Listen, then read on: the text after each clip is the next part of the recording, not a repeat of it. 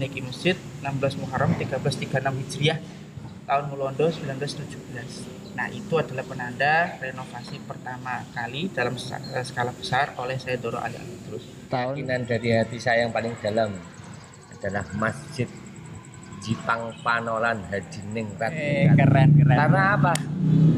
Karena Masjid Wali Jipang, peninggalan Sunan Kudus dan Arya Penangsang.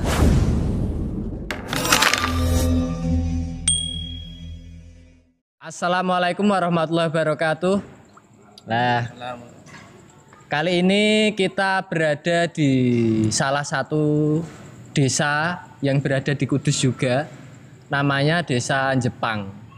Anjang sana, anjang sini. Kali ini saya sendiri belum ada temennya. Sama sekali nanti temennya satu-satu akan menyusul. Semoga.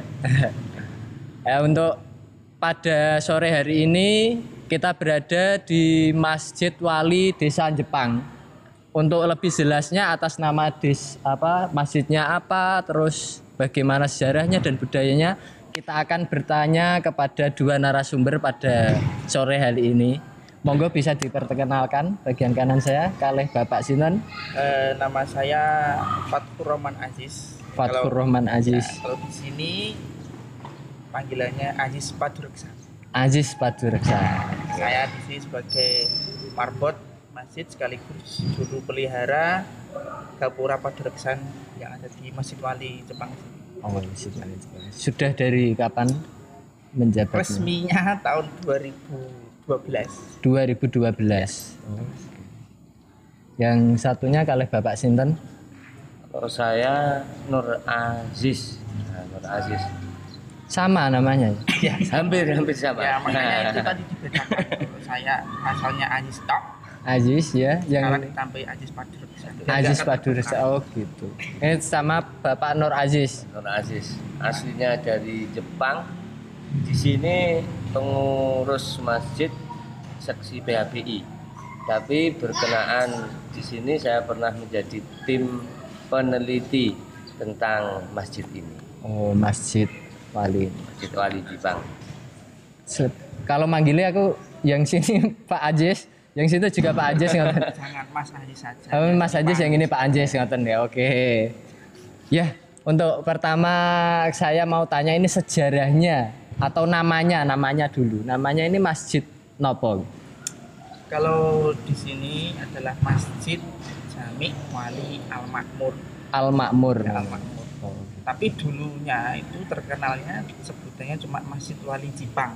Masjid Wali Jipang. Kemudian pada tahun 1917 ketika selesai direnovasi pertama oleh Said Doro Ali Terus dinamakan Masjid Al Makmur sesuai yang ada di eh, prasasti yang ada di masjid. Di, di dalam masjid ada sebuah prasasti yang menuliskan bahwa eh, iki jenenge Masjid Al Makmur.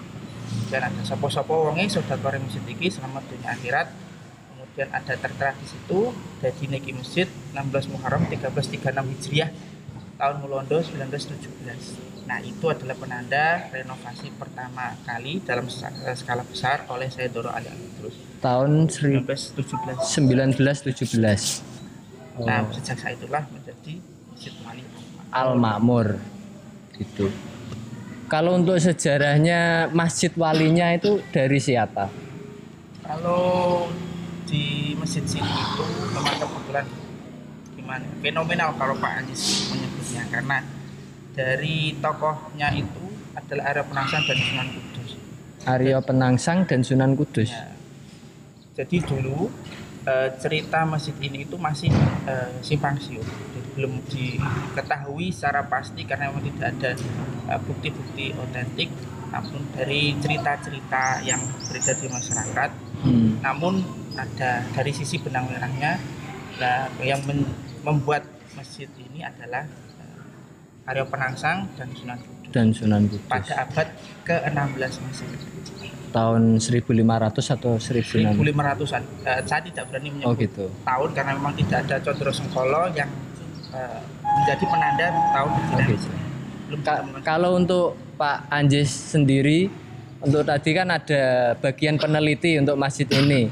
Untuk penemuannya itu bentuknya apa saja Pak untuk di sini?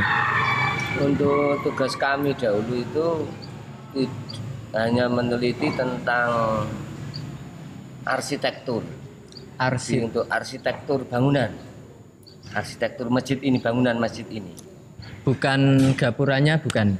ya Atau- mungkin kesemuanya Oh, kesemuanya. karena ga- gapura itu kan termasuk apa ya lingkup Satu dari paket. masjid satu paket dari Oh, masjid satu paket. itu. Dari awal itu sudah ada masjidnya atau awal gapuranya dulu?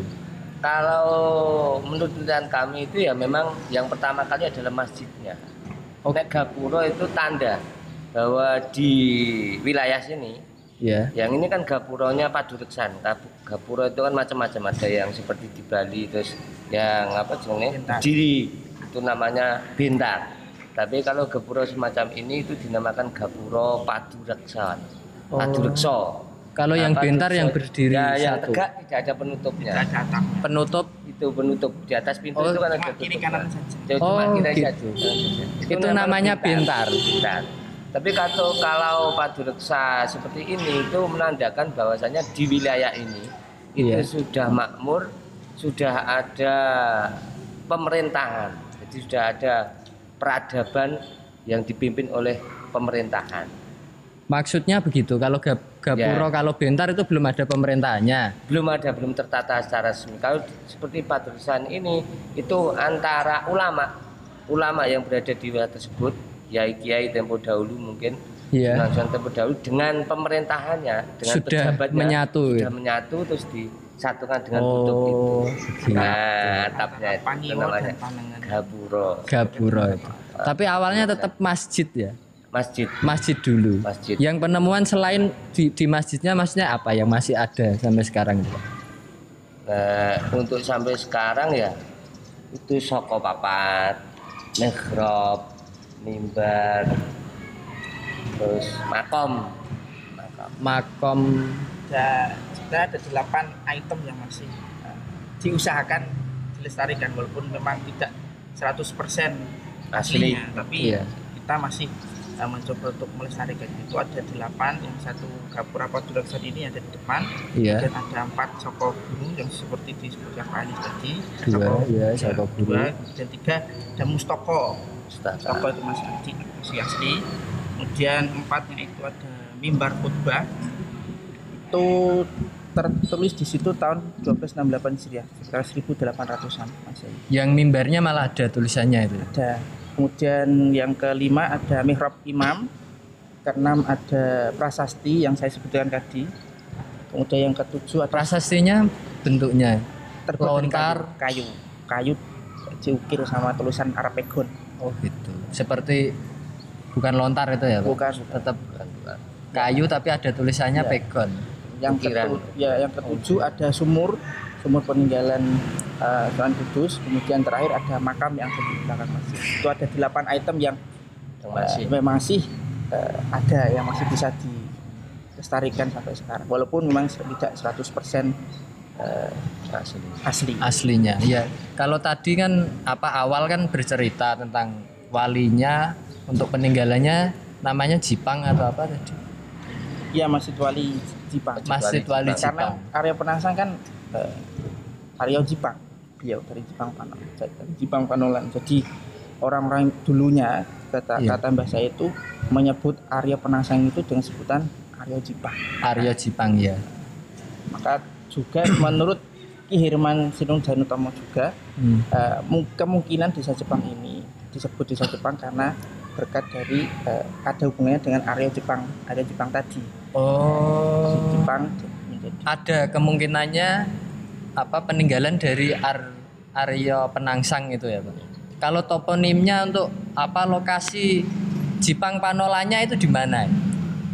Nah ini Kalau yang menurut masih, panjenengan. masih fenomenal mungkin ya Iya. karena memang area Penangsang itu kan memang tokoh-tokoh yang agak fenomenal yang Iya, iya. difenomenalkan mungkin. Kalau mungkin kita lihat buku-buku atau lainnya itu ada yang mengatakan di Bojonegoro, ada yang mengatakan di mana dan gitu. Tapi Iya. kami sebagai warga di sini Iya. sebagai warga Jepang itu ya ketika kami penelitian dan bertanya itu sampai ke mana-mana itu Nah, prediksi kami dan asumsi mereka mungkin agak beda. Kami meyakini bahwa di sinilah Jipang Panolan. Jipang itu. Panolan. Wih, keren keren. karena apa? karena memang ada apa ya? ya, bu- peninggalan ya bukti arsitektur. sejarahnya Nah, ya toponimnya memang Arsitektur ada. itu peninggalan yang bisa membawa kita ke Kadipaten Jipang Panolan tersebut. Oh gitu. Iya. Oke, sebelum kita lanjut ini ada teman lagi baru datang, monggo. Mas Zaki. Waalaikumsalam. Sini Maman, sini aja, Mas. Mas itu. Monggo. Ini kan sudah berbicara panjang lebar tentang desa Je- Jepang yang dulunya itu ada kasak kusuk atau keyakinan dari Pak Anjis, Pak Anjis dan Mas Anjis ini ini adalah Jipang Panolan yang dulu tempatnya Aryo Penangsang. Oh, gitu. ngeri ya. Ngeri ya. Ini Ngeri. ada untuk lanjut lagi untuk penemuannya itu Pak. Bisa yakin kalau Aryo Penangsang itu di sini. Gini, ketika kita bertanya kepada para apa ya, ya dikatakan sejarawan atau yang tahu tentang arsitektur bangunan dalam adat dan budaya Jawa itu ada istilahnya apa ya? Ketika kita membuat masjid, Ya. Itu pasti ada tanda-tanda tersendiri. Ada arsitek yang memang dibikin seperti pada waktu tahun itu dan penanda-penandanya. Contohnya apa?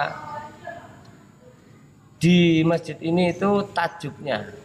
Kalau bahasa sekarang apa ya? Genteng, genteng. Tajuk itu genteng. Nah, tajuknya atap. atap. Ah, atap. Atap. Nah, atap masjid ini itu berbentuk apa tiga tiga atap tiga sap tiga susun Nah, tiga susun dan dalam arsitektur Jawa yang kuno dulu masjid yang bersusun tiga atap atau lebih ada yang empat ada yang lima itu menandakan bahwa masjid itu adalah masjid agung kekadipatenan tempo dahulu Oh gitu. Nah, di sini itu atapnya tersusun tiga. Masjid Agung Kudus juga tiga kayaknya. Masjid Agung Kudus kan sam, anu apa jenis Masjid Agung yang kata-kata sekarang. Kalau dulu Oh. tidak ada lah. Yang Nah, rekondisi. kan gitu. Oh gitu. Kan itu hanya berapa dari tahun sekarang. Ah. Masjid Jami di tingkat desa, masjid besar tingkat raya. kecamatan, terus masjid agung tingkat kabupaten, masjid Oh, raya gitu. tingkat Jawa Tengah, provinsi terus masjid Hmm. istilah nasional istiqlal kan seperti itu. Tapi Iya, tempo dulu kan, kan tidak ada. tadi untuk mengetahui kok bisa ini dari Arya Penangsang itu ada ada literasinya atau ada apanya gitu untuk mengetahui itu. Ada petilasan lah, minimal petilasan Kok dari Arya penangsangnya. Padahal saya mikir Arya Penangsang itu kan ahli perang, Ahli ahli perang. politik, bukan ahli dalam bidang struktur Religi. atau gimana gitu loh. Untuk kami bisa meyakini seperti itu karena memang satu tadi ada tajuk Trimangkurat Kadipaten Jipang arsitektur. Karena apa? Ketika kami berjalan lah istilahnya mencari titik temu, mencari ilmu tentang Jipang itu kita sampai ke Blora, sampai ke Jogja, sampai ke Cepu.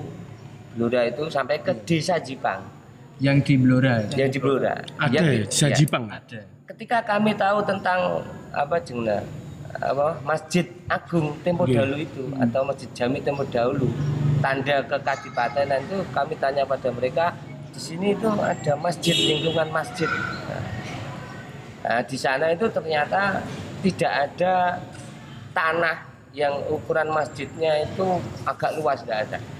Dia Di di Blora sana. Blora. Hanya sini ya.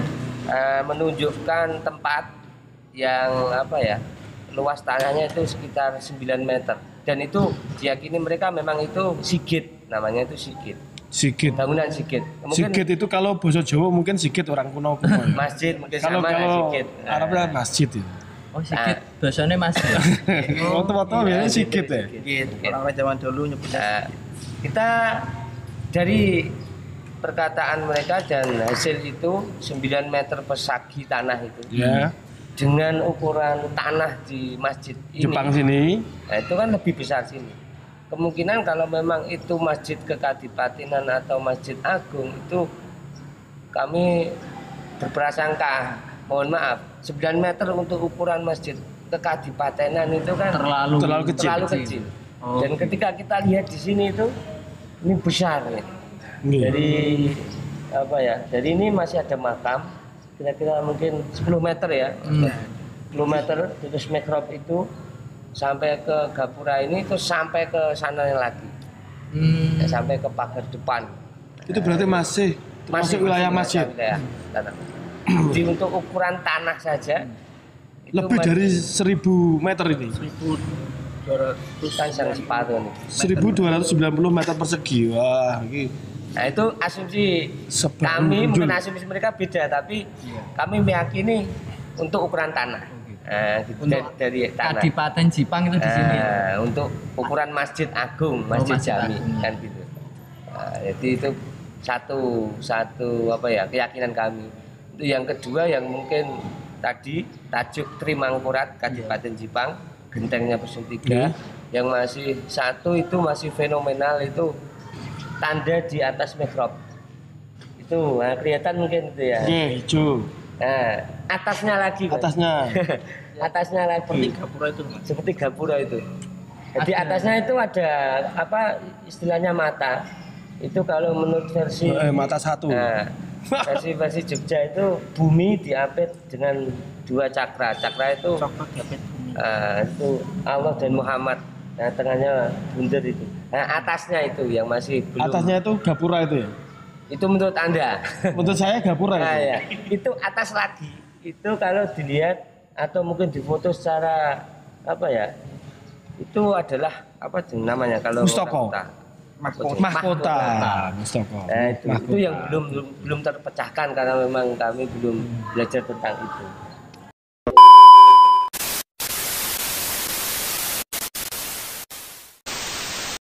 Oke, melanjutkan yang tadi karena Bapak Mas Nur Anjis. Mas Nur Anjis juga namanya ya? Mas Fatkur Rahman Fatkur. Rohman Anjis itu lagi ke belakang sebentar.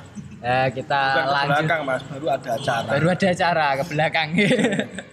Acaranya ke belakang. Acaranya ke belakang. Oke, kita lanjut sama Bapak Nur Aziz tentang sejarahnya. Nah, tadi yang belum Masjid Wali. Masjid Wali ini yang belum Kita ulik. Ah, ah, tadi kan sudah cerita banyak tapi kan masih ada lagi yang harus kita ketahui apa Pak? Masjid Wali Jipang. Jipang. Jipang. Masjid Wali Jipang, Kalau sampai sekarang saya kalau nyebut tetap Masjid Wali Jipang. Panolan. Jipang karena keyakinan dari hati saya yang paling dalam adalah Masjid Jipang Panolan Hadiningrat. Masjid Jipang Panolan Hadiningrat. Berarti ya. Nah, baru dengar pertama ya ini. Oke, Nah, Baru dengar ini. Jepang Jepang berarti dari kata Jipang. Jipang. Artinya Ya memang Jipang yang suatu nama. Ada Suatu. artinya Ya tadi sudah diterangkan bahwa Arya Jipang. Arya Jipang. Arya Penangsang. Arya Penangsang Nama Arya Jipang. Arya Jipang. Karena ada nama kecilnya Arya Penangsang adalah Ibrahim Haji. Nama aslinya Ibrahim Haji. Ibrahim Haji ada namanya Ibrahim Haji. Bin Surawiyata atau Raden Kikin, Raden Kikin. Pangeran Raden Patah. bin Raden Patah. Raden Patah itu kakeknya Arya Penangsang. Langsung itu. Langsung. Raden Kikin Surawiyata Sekar Sedolepen itu ayahnya Arya Penangsang, putra dari Raden Patah. Raden Patah Demak. Kadipaten Jipang. Iya.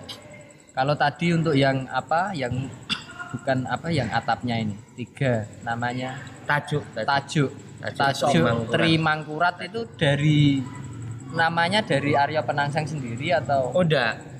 Tajuk Trimangkurat itu dari para sejarawan atau dari peneliti kuno. Itu kan ada arsitektur bangunan kuno.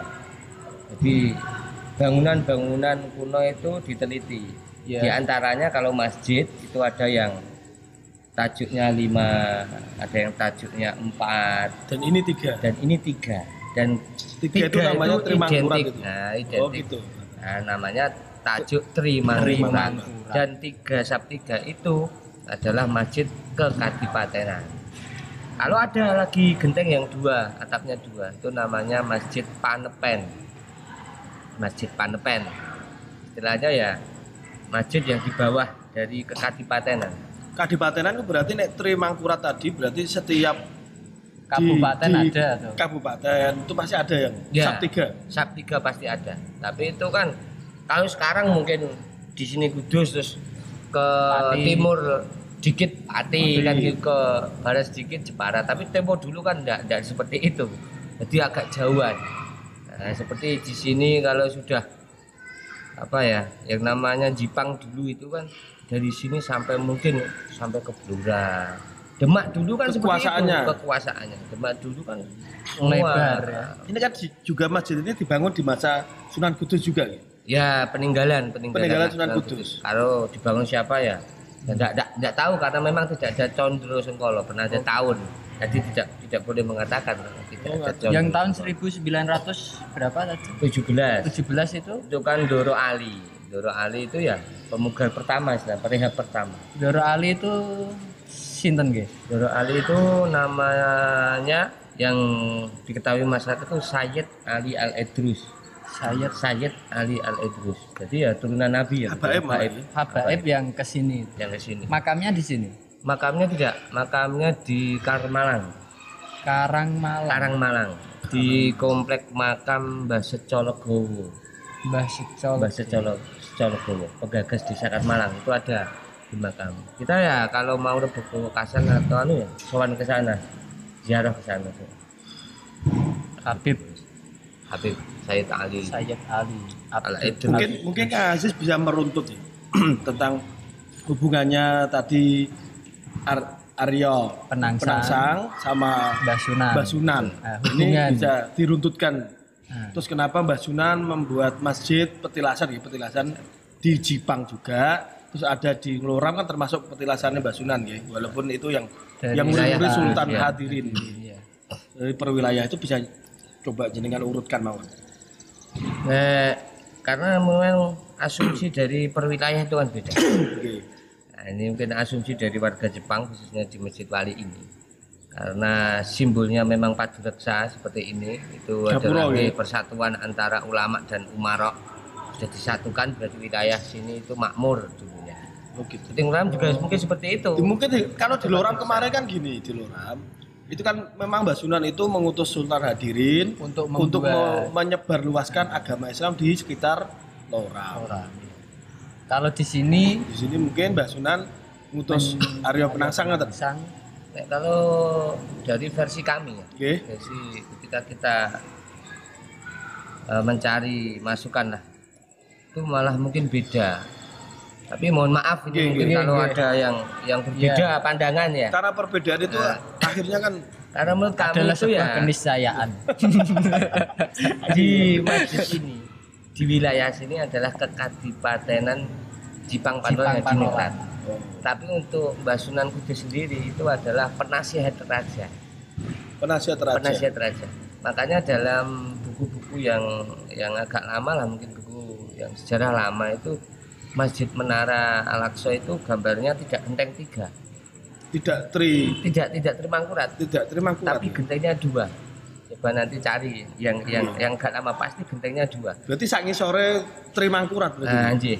Karena disebut Masjid Panepen. Masjid Panepen. Panepen, itu adalah Masjid Kasunanan. Nah, Masjid Kasunanan. Jadi ya kemungkinan di sini itu memang Kerajaan. wilayah nah, wilayah kekadipatenan Kerajaan. tersebut pemerintahannya nah, Mbah Sunan Kudus adalah penasehat. Penasehat. Penasehat raja, penasehat. Oh, Nah, gitu. penasehat. Oh iya, ini ada buku apa ini ya, Pak? Oh iya. Bisa. Ini Masjid Wali Jepang. Nah, ini Eh, Masjid Wali Jepang ini isinya tentang apa ini? isinya ya tentang arsitektur bangunan yang ada di sini. Sejarah Sejarahnya juga Sejarah. ada.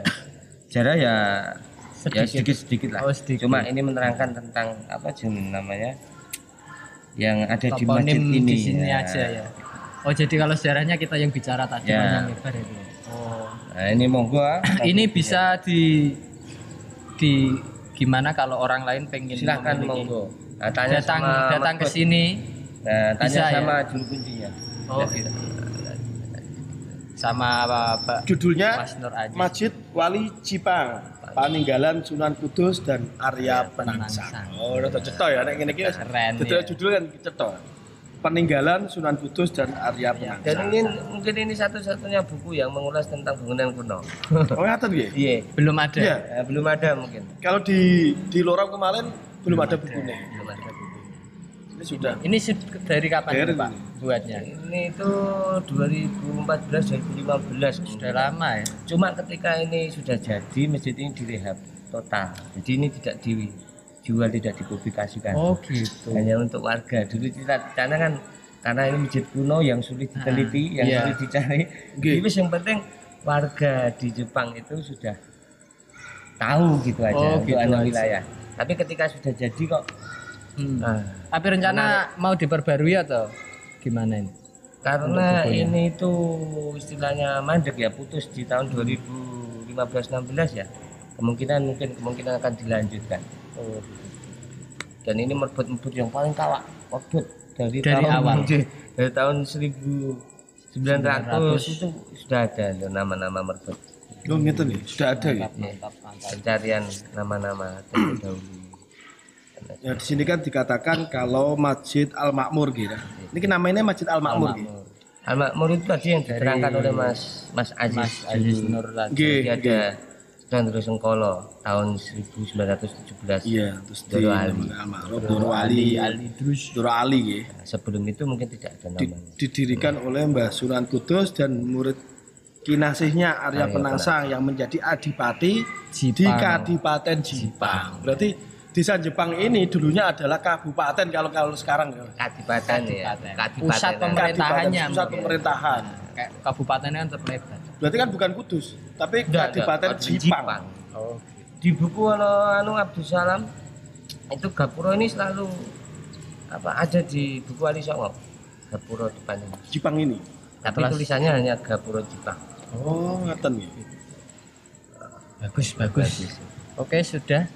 Gitu dulu perbincangan kita tadi panjang lebar. terakhir boleh ya Ah, iya, Monggo, tambahan lagi. pesan karena ini Ah, kan oh iya, monggo Mungkin pesan. kalau ada sejarawan ada lapor silakan ke sini nah diteliti monggo monggo semuanya kalau mungkin ada Kita terbuka ya ya. terbuka Sini terbuka lebar. Iya, kok. terbuka lebar. penelitian-penelitian atau apa pun monggo Monggo. Nah, oh ya, gitu. bagi yang lain untuk meneliti tentang cagar budaya di desa Jipang. Jipang Panolan Ini Hadiningrat ada ini. Masjid Al Makmur Iya. atau Masjid Wali. Masjid Wali Jipang. Jipang. Peninggalan Sunan Kudus dan, Dan Arya, Arya Penangsang. Penangsang. Oke, terima kasih. Sampai ketemu di Les Bumi TV. Acara-acara selanjutnya untuk bisa ditonton dan di komen lah kekurangan-kekurangan kita apa biar kita perbaiki. Sekian, terima kasih. Wassalamualaikum warahmatullahi wabarakatuh. Waalaikumsalam warahmatullahi wabarakatuh. Terima kasih palalan. Palalan, pelalan, Pelalan, terus manganan, beduk beduk dan dan Beduk dan. Oh itu ya. Dari dulu emang gini atau ya simpulnya variasi dari- baru ini? Memang dari Simpulnya. simpul simpulnya seperti itu. Menurut beliau itu Trimal Prat adalah masjid yang digunakan Gunakan. oleh tiga makhluk yaitu manusia, jin Jin arwah dan roh. arwah Wah, Kalau menurut cerita bahasa itu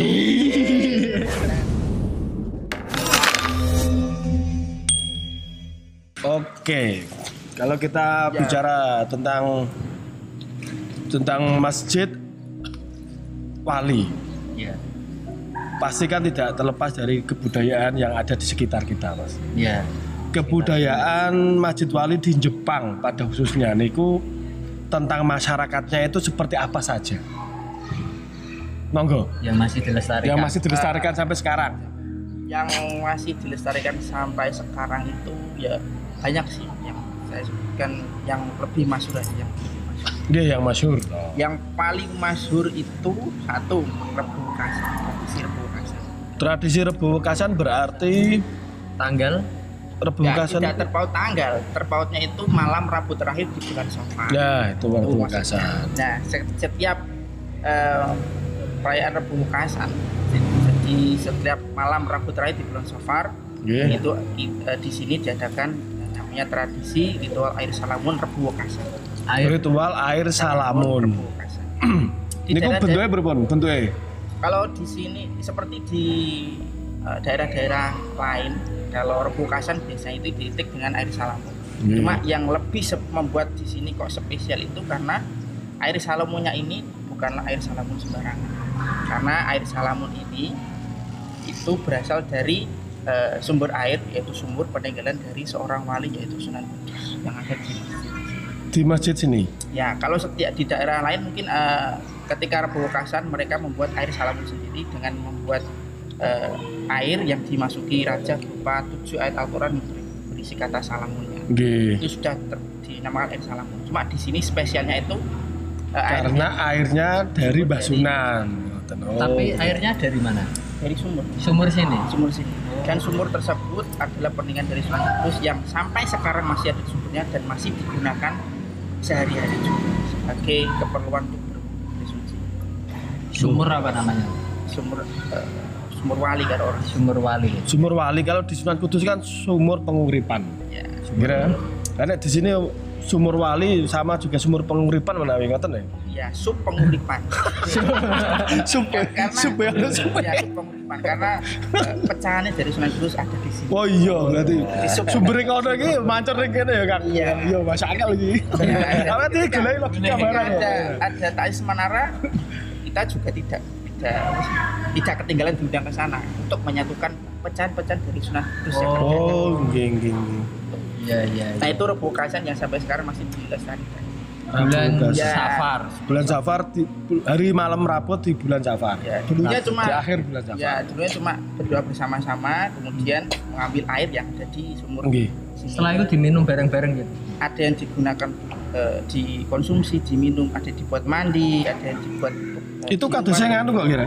Pas acara rebukasan itu masyarakat itu ada se- semacam apa pertunjukan dan yang lain-lain kok kira. Eh, itu mulai tahun 2009 karena eh, dulunya kan eh, cuma mengambil air berdua bersama-sama kemudian mengambil air dari sumur. kecil ngoten. ya kemudian berjalannya tahun karena animo masyarakat tinggi kemudian diadakanlah sebuah pengajian sebagai eh, media dakwah kemudian tahun 2009 karena memang di sini itu sudah eh, masyarakat sudah berbondong-bondong datang sudah masuk ke Rebukasan di sini mengambil air akhirnya dinas kebudayaan dan pariwisata Kabupaten Kudus itu ingin mengemas tradisi Rebukasan ini menjadi sebuah eh, kebudayaan yang eh, di, harus diketahui oleh banyak orang. Blow up Oh, blow dikemas dengan beberapa Di framing, ya, branding. Di jadi branding. ketika tahun 2009 itu mulai dikemas dengan berbagai acara pendukung untuk memeriahkan tradisi Rebukasan ini ada bazar, ada peta seni, Iya. dan ada kirap juga Kirap. Oh, ada kirap ya. Dari 2009 itu ada, mulai ada kirap. ya itu yang eh, apa ya sifatnya seremonial lah kalau di di masjid itu ada khataman Quran bin Ghaib bin Nador kemudian ada ritual di sumber walinya sebelum diambil oleh masyarakat Ritual sumur walinya. Berarti pas hari hanya itu, rebukasan itu gitu. jadi hari ahadnya itu ada khataman Quran bin Ghaib kemudian Senin ada khataman Quran bin Nador kemudian Selasa sore Acaranya itu. Nah, dari. Kemudian ketika sebelum maghrib itu acara eh, sebelum acara hari Selasa ketika taman Quran ada sebuah wadah berisi air yang diisi kemudian setelah selesai acara disimpan. Nah Oh. dari kedua acara air khataman tadi Selasa sorenya kemudian dimasukkan ke dalam sumur. Hmm. Nanti air khataman itu dimasukkan ke dalam sumur kemudian dipar- diberikan raja ayat Al-Quran Salamun itu. ya, kemudian didoakan oleh sesepuh kemudian setelah habis maghrib setelah doa bersama kemudian baru diambil oleh Iya. masyarakat jadi sudah mengandung air wali dari Karomen Sunan Kudus air khataman kemudian eh, air raja tadi kemudian air doa dari masyarakat yang Wah. airnya ini plus plus plus plus plus Triple goal, Ya. triple, vertical-tical ya, Ya, hitungannya ya. beda dari- Itu yang itu yang membedakan kebudayaan di masyarakat Jepang sini di sekitar Masjid Wali ini dengan Masjid Wali yang lain di Kabupaten Kudus menawi itu ya. kemudian ada lagi kebudayaan yang menurut saya unik itu di daerah lain tidak ada itu tradisi pelalan Pelalan. pelalan pelalan itu ya eh, tradisi yang dilakukan ketika malam maulid Pelalan ya. pelalan namanya pelalan nah Lagi, ketika Baru tahu yang Yang pelalan. Pelalan ya. Secara har iki dikocak iki pelalan ini secara arti ya. Saya- sebenarnya sampai sekarang saya masih saya mencari ini pelalan dulunya itu awalnya bagaimana cuma yang saya ketahui dan saya praktekkan kami praktekkan di sini kami dari turun temurun itu ketika malam maulid nabi tadi malam 12 ya Nggih. baru eh, diadakan acara maulid di masjid Nabi. Kemudian setelah pembacaan maulid selesai eh, doa, kemudian doa. Nah sebelum doa itu masyarakat eh, yang hadir jemaah yang hadir itu diberikan seutas tali, tali dari benang gol putih, ya putih. Kemudian setelah semua dibagikan, kemudian baru doa dibacakan. Nah ketika doa dibacakan, Sudah ya, bola bol kan ini berempat ini ya tali bola itu potong-potong habis. berapa meter kan itu cetok kan satu setengah, Eh? ya secukupnya. Seret. Secukupnya, secukupnya. Seret. Satu setengah. Ya? Ya, sekitar satu setengah. Terus dipotong. dipotong biar biar nanti pe- yang pemirsa itu punya Iya, gambaran katanya. benang bol dikasih kaca Angin le. dijahit kan jamaah satu persatu jadi satu orang satu benang kemudian ketika eh, Pak Yainya mulai berdoa Berdoa, nggih. Itu bawa. mereka yang sudah mendapatkan benang, Benang tadi. itu membuat simpul ketika eh, sambil mengucapkan amin jadi ketika berdoa Amin, berdoa, taleni. amin, amin sambil membuat satu simpul Naleni kan Iya. gitu, naleni. Seret. nah Seret. sampai doa itu selesai dibacakan akhirnya terbentuk Beberapa simpul. Nah, inilah yang dinamakan pala. Kenapa kok seperti itu? Karena filosofinya itu doa yang diamini, kemudian sambil mengikat itu Hmm. simbol dari beliau mengikat doa di tali tersebut.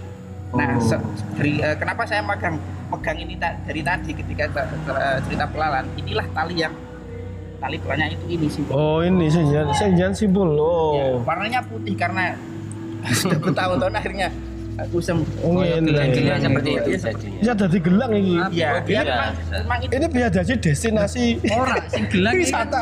Terus Iya. diperjualbelikan ini. dari dulu emang gini Iya. atau ya simpulnya variasi baru ini? memang Simpulnya. simpul simpulnya seperti itu nah Ini simpulnya kan Kan kelihatannya gelang-gelang yang di modern ini. Iya. ya tapi ketika membuat Set. momen itu saja Oh satu tahun sekali ya. Ini nanti Nah. bisa digandakan yang banyak biar dijual itu mas. ya. Betul ya. Nah, Perlarisan nih, Mas. talinya itu dipakai setelah dibuat kemudian dipakaikan ke anak kecil Oh dibuat Oh, gelang. bener Hmm, nangisan. Gitu. Pelalang. Pelalan, pelalan. Pelalan. Berarti Pelalan. mungkin kata-katanya dari gelang mungkin ya. Mungkin dengan kegelangan mata eh. Iya. Pelalan bisa jadi seperti itu. Wah, Aku kan ya kudune nah itu tadi yang dewi no. itu tadi yang sifatnya satu tahun sekali Iya. kalau yang sehari-hari eh, seperti pada musik wali umumnya itu ada tradisi manganan Manganan. manganan memari daharan Iku bahasanya manganan lah. ya maaf daharan lah itu memang sudah menjadi tradisi sejak dulu Dari warga-warga sekitar. ya yang punya hajat yang mau punya hajat yang mau syukuran Yang mau nikah mungkin menikahkan nikah. sunat kata dia. ya itu mereka ke sini membawa sebuah panganan kalau orang sini Manganan. ya namanya itu ingkung ayam Oh ingko. ya apalagi di prasasti sudah tertulis kalau sopo sopo wongi sodako musik iki selamat dunia akhirat Oh. nah, Eh, akhirnya ngeri. mereka membawa sodako itu ya memang untuk tadfaul balak Nonton gitu? Daf'ul balak. Ya, daf'ul balak penolak Daful balak bala, tatfaul bala. Podo. Waduh. Akeh bala iki. Tolane berah. balak ini sopo Iya, iya. Balane sapa? Nah, pokoknya intinya itu ketika mereka wasilah dengan membawa sebuah sodako Oh. berupa ingkung ayam kalau di sini. Hmm. Kalau di Langgar Kubra kan ingkung bebek. Kubra Bebek. itu ingkung bebek. Kalau di Loram kan sego kepel. Tahu kubra. Kita kan belum ke sana. Kita belum ke sana. Kita ke sana. Langkah kubra ada di nanti kita tanya. Lah kalau untuk makamnya itu ada makamnya siapa nanti yang di belakang? Wah itu gimana ya? Dulunya itu makam ini tidak terlihat. Tidak terlihatnya karena memang tertutup oleh Gak usah serius Kita enggak aku terus aku udah sini ya. Tadi ini makam ini. Jadi kalau di makam itu memang sedikit fenomenal karena memang dulunya itu tidak terlihat. Dulu berarti terlihat, berarti dulu dan terlihat di tahun berapa? Eh, tahunnya pastinya nggak tahu. sebelum saya di sini pasti. Sudah Ketika ada. Mbah Mbah Buyut saya. Oh, zaman kuno berarti nggih. Sedurunge aku ono maksudnya ngono kan. Nah, makam yang terlihat sekarang ini nih saya itu karena memang diangkat oleh pengurus ketika itu. Jadi dulu itu ada orang eh, ya, ada seorang yai ketika setelah saya mengisi pengajian itu dia mengajak pengurus masjid ke belakang untuk ziarah untuk ziarah tapi di posisi di belakang masjid itu masih eh, Tidak rumput rumput Tidak kelihatan makam. nggak ada kemudian akhirnya ketika eh, setelah setelah ziarah beliau mengatakan ini makam seorang orang soleh. Dirawat kemudian beliau, diberitahu kemudian akhirnya di sekitar sekitar dekat sekitar ada nisan-nisan kuno akhirnya. Oh, yang sebelumnya tidak tidak ada yang tahu bahwa di situ ada nisan. masjid ini itu terkenalnya masjid angker. Masjid tapi angker kan eh, agak ironi. Memang karena kiri kanan dan belakang di depan masjid pun singup Dulunya. jadi kadang-kadang orang sini itu segan takut Berarti mbiyen masjid Sampai- jin gitu ya, Kang. boleh dicoba boleh dicoba Oh gitu. Sampai sampai sekarang tuh masih Kalau berani. ntar malam ntar malam ya. Ntar malam kita ke sini ya, tapi ya di, di luar. kalau kalau menurut Irwan Sinu Janutomo itu kan ada menyebut seperti yang disebutkan oleh Pak Anies tadi masjid ini adalah masjid tajuknya itu tajuk terima murad Terima menurut beliau itu terima murad adalah masjid yang digunakan Gunakan. oleh tiga makhluk yaitu manusia jin Jin arwah dan roh. arwah Wah, kalau menurut cerita bahasa nah dari cerita bahasa itu masjid ini punya hari Sakral. spesial yaitu malam menurut menurut sinten? Malam simbah saya saya kan Oke. luruskan simbah Oh, nggih, saya. nggih, siap, siap. Iya toh.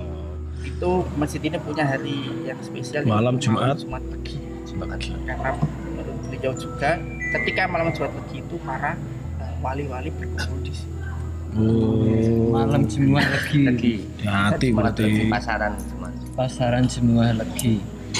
Malam sakral Kalau budaya lagi ada lagi Pak makanan atau apa? Selain Eh, ada beberapa budaya yang sebe- sebenarnya masih banyak tapi karena sudah lama tidak dilakukan akhirnya terlupakan maka eh, ini untuk ada tugas dari Bapak Aziz Nur Aziz, Aziz ini iya. kemudian beliau punya misi untuk mengembalikan tradisi-tradisi yang dulu pernah ada Oh, di sini.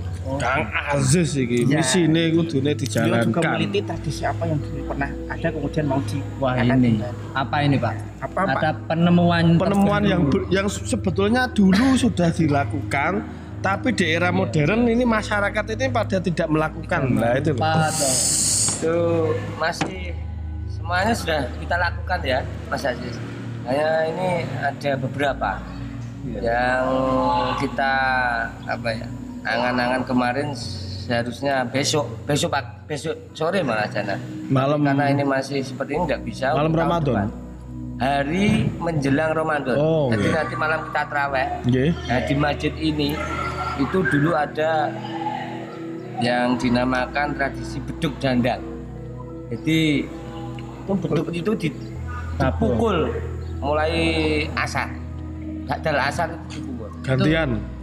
sama Yang seperti orang. menara gitu? Ya kemungkin karena mungkin ada kesamaan. Oh iya, oh iya tadi Iya. samanya itu ya. Karena kene kan Iya. supe menara. Sumbernya. Ora mungkin to kene Nah. menara nganut kene kan yo. Ada sub. Oh, Jadi beduk dandang itu yang akan kita lakukan insya Allah tanggal tahun 2002. Tahun Setelah pandemi setelah pandemi dinyatakan lulus. Nah, karena itu akan apa ya menimbulkan kerumunan. Karena dulu cerita-cerita dari para sesepuh itu kalau beduk itu ditabung, Nggih. itu kan semua masyarakat lah.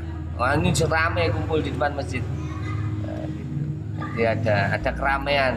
Itu ya yang yang mau dilakukan setelah pandemi Nah, katanya. setelah pandemi. Selain itu berarti ini berarti kan kebudayaannya sekitar tiga mau ya. Apa? Bukasan, Waktu pemekasan, Kan pala Pelalan. pelalan palalan, pelalan pelalan, terus panganan manganan, Beduk beduk dan dan beduk empat. dan oh itu ya Lagi.